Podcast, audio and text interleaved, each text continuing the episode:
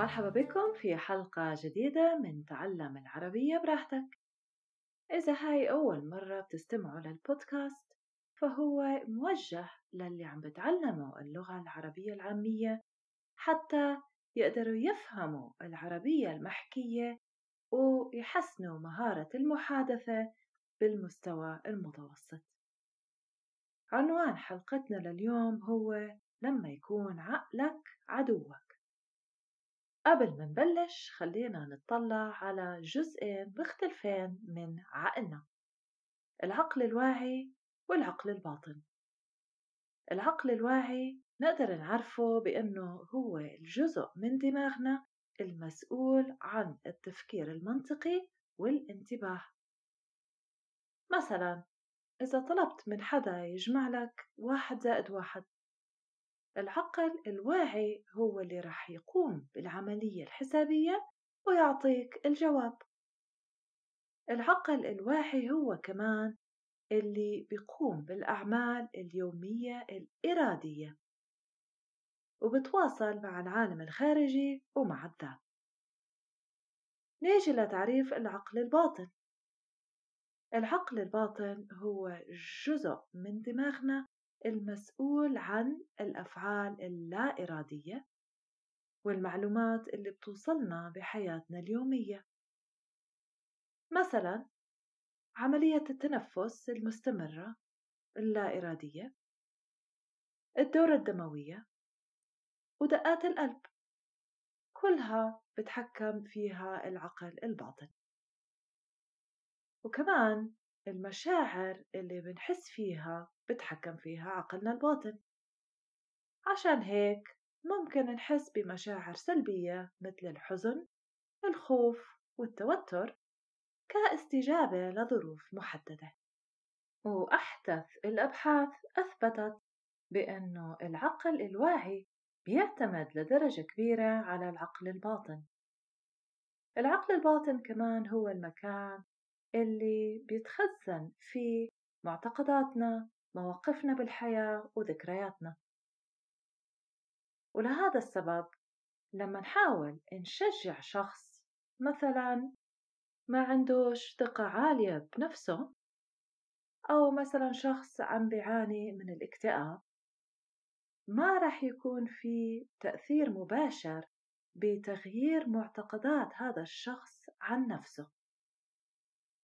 إذا بدنا نوصل رسائل إيجابية على المستوى الواعي العقل الباطن رح يفلترها وعشان هيك الطريقة المثلى إنه نغير معتقدات الشخص هي بإنه نقنع العقل الواعي بطريقة منطقية حتى إنه هذا المنطق يتخزن بالعقل الباطن كحقيقة فإذا إيش الفرق بين العقل الواعي والعقل الباطن؟ العقل الواعي بتحكم بكل العمليات المنطقية والفكرية بينما العقل الباطن بتحكم إجمالا بالوظائف الجسدية. بعض الأمثلة على الوظائف اللي بتحكم فيها العقل الواعي اتخاذ القرارات التخطيط التواصل من خلال اللغة ومهارات التنظيم. بينما بعض الأمثلة على الوظائف اللي مسؤول عنها العقل الباطن التنفس، الهضم، الذكريات، المشاعر والمعتقدات والحدس.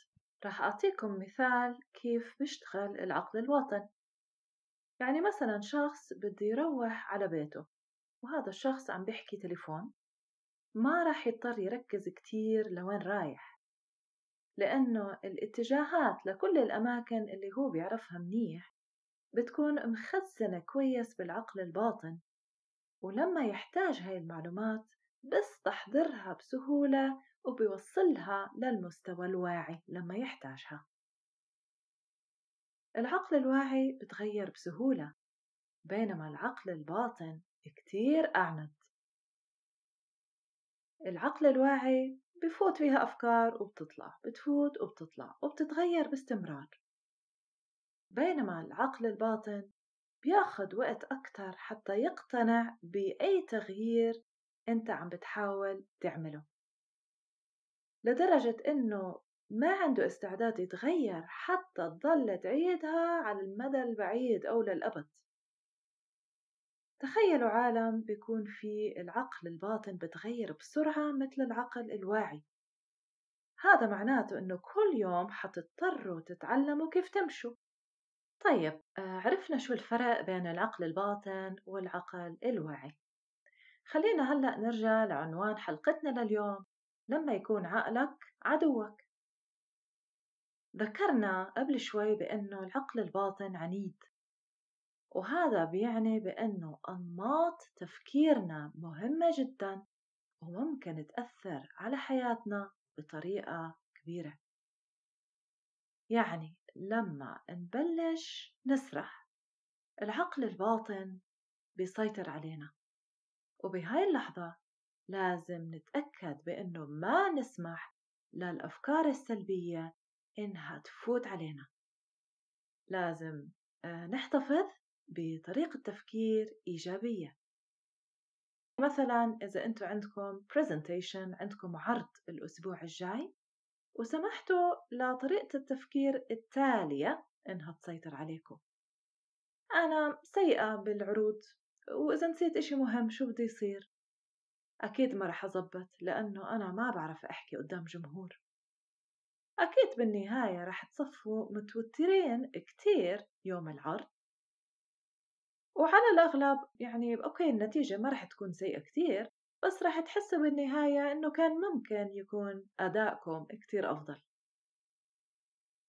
ومن ناحية تانية لو فكرتوا بطريقة إيجابية يعني مثلا حكيتوا لنفسكم أنا بس علي أحضر كويس بكتب كم بطاقة بحط عليها النقاط الرئيسية بتدرب لي كم مرة على العرض وأكيد رح تمشي الأمور كويس. معناته يوم العرض رح تكونوا واثقين وأكيد رح يكون أدائكم ممتاز. هذا المثال اللي حكينا عنه ممكن يكون لمرة واحدة ليوم واحد. طيب إذا كانت كل طريقة تفكيركم سلبية مثلا تحكوا دايما أنا فيش حدا بيحبني أنا بحس إني شخص مش محظوظ تخيلوا بإنكم كل كم يوم عم تحكوا أو بتجيبوا سيرة هاي الأفكار السلبية لمدة سنة أو أطول حتى؟ شو عملتوا أنتوا بهاي الحالة؟ برمجتوا العقل الباطن إنه يصدق كل هاي الأفكار. والمشكلة هون إنه مش بس هي بتصير عادة إنه نفكر بطريقة سلبية كمان هي بتصير عادة كتير صعب إنه نكسرها. ليش؟ لأنه إعادة برمجة العقل الباطن. هي عبارة عن عملية طويلة جدا. لأنه مثل ما حكينا العقل الواعي والعقل الباطن هم جزئين منفصلين من الدماغ. طيب هل هذا معناته إنه إذا كان عنا أفكار سلبية عن أنفسنا لسنين طويلة إنه ما عنا أمل؟ ما فيش أمل إلنا أبدا؟ لا طبعا.